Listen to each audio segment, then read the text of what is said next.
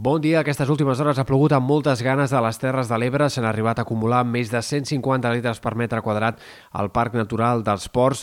Unes pluges que, tot i que han de continuar al llarg de la jornada d'aquest divendres, ho faran de forma més minsa durant bona part del dia i les complicacions més importants d'aquesta situació de pluges ja s'han produït al llarg d'aquesta matinada i de les hores del vespre d'aquest divendres.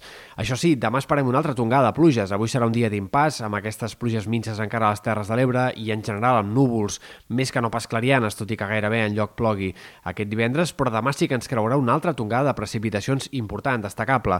Sobretot serà entre el matí i el migdia, pluges que afectaran la, gairebé qualsevol comarca i que poden arribar a deixar quantitats de 40-50 litres per metre quadrat, especialment en sectors de la meitat oest, tant del Pirineu i Prepirineu occidentals com punts de Ponent i fins i tot eh, sectors de les Terres de l'Ebre una altra vegada. Com més a l'est, menys probables aquestes pluges abundants, tot i que, insistim que a tot arreu hi acabarà plovent entre el matí i el migdia. Alguns ruixats podrien anar fins i tot acompanyats de tempesta i, per tant, descarregaran amb intensitat. A la tarda els xàfecs caldrien més concentrats ja al Pirineu i en algunes comarques de Girona, cada cop més eh, puntuals, i de cara a diumenge el temps serà molt més tranquil, amb predomini del sol, tot i que encara quedin alguns intervals de núvols, les clarianes seran molt més protagonistes. Tampoc l'inici de la setmana que ve s'entreveu complicat.